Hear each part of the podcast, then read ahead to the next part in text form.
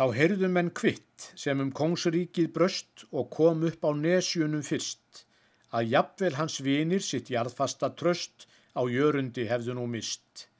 Því innesin gátt ekki unað við slíkt, jafn agalöst dýr eins og hann, í sjövikur heilar hann hafði nú ríkt, en hýtt ekki einn einasta mann.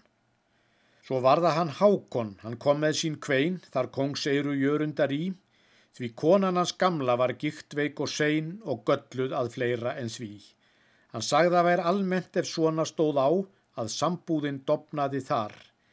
Því vilda nú meiga sér meðkonu fá sem meira til frambúðar var.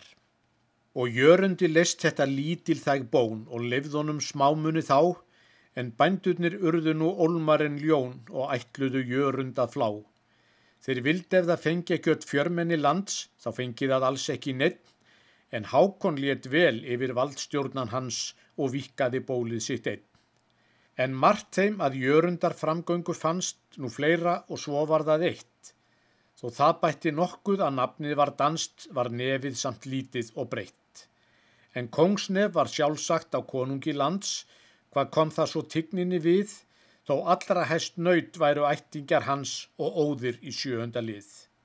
Sem nærrim á geta hver nesjungur fann, að neyð voru jörundar völd, þar hittnaði stöðugt uns báleldur brann og bröst út eitt skuggalegt kvöld.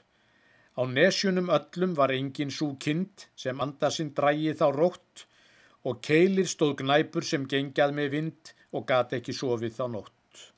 Menn háðu þar málþing og hjöluðu nóg því hver vildi duga sem best, en það er nú mælt um þá suður með sjó að samþyktir láti þeim vest og öll þeirra bygging svo indælis fríð að endingum sjálfa sig vald. Það fór nú til svona við flest er hér stríð og fáir sem lánað er allt.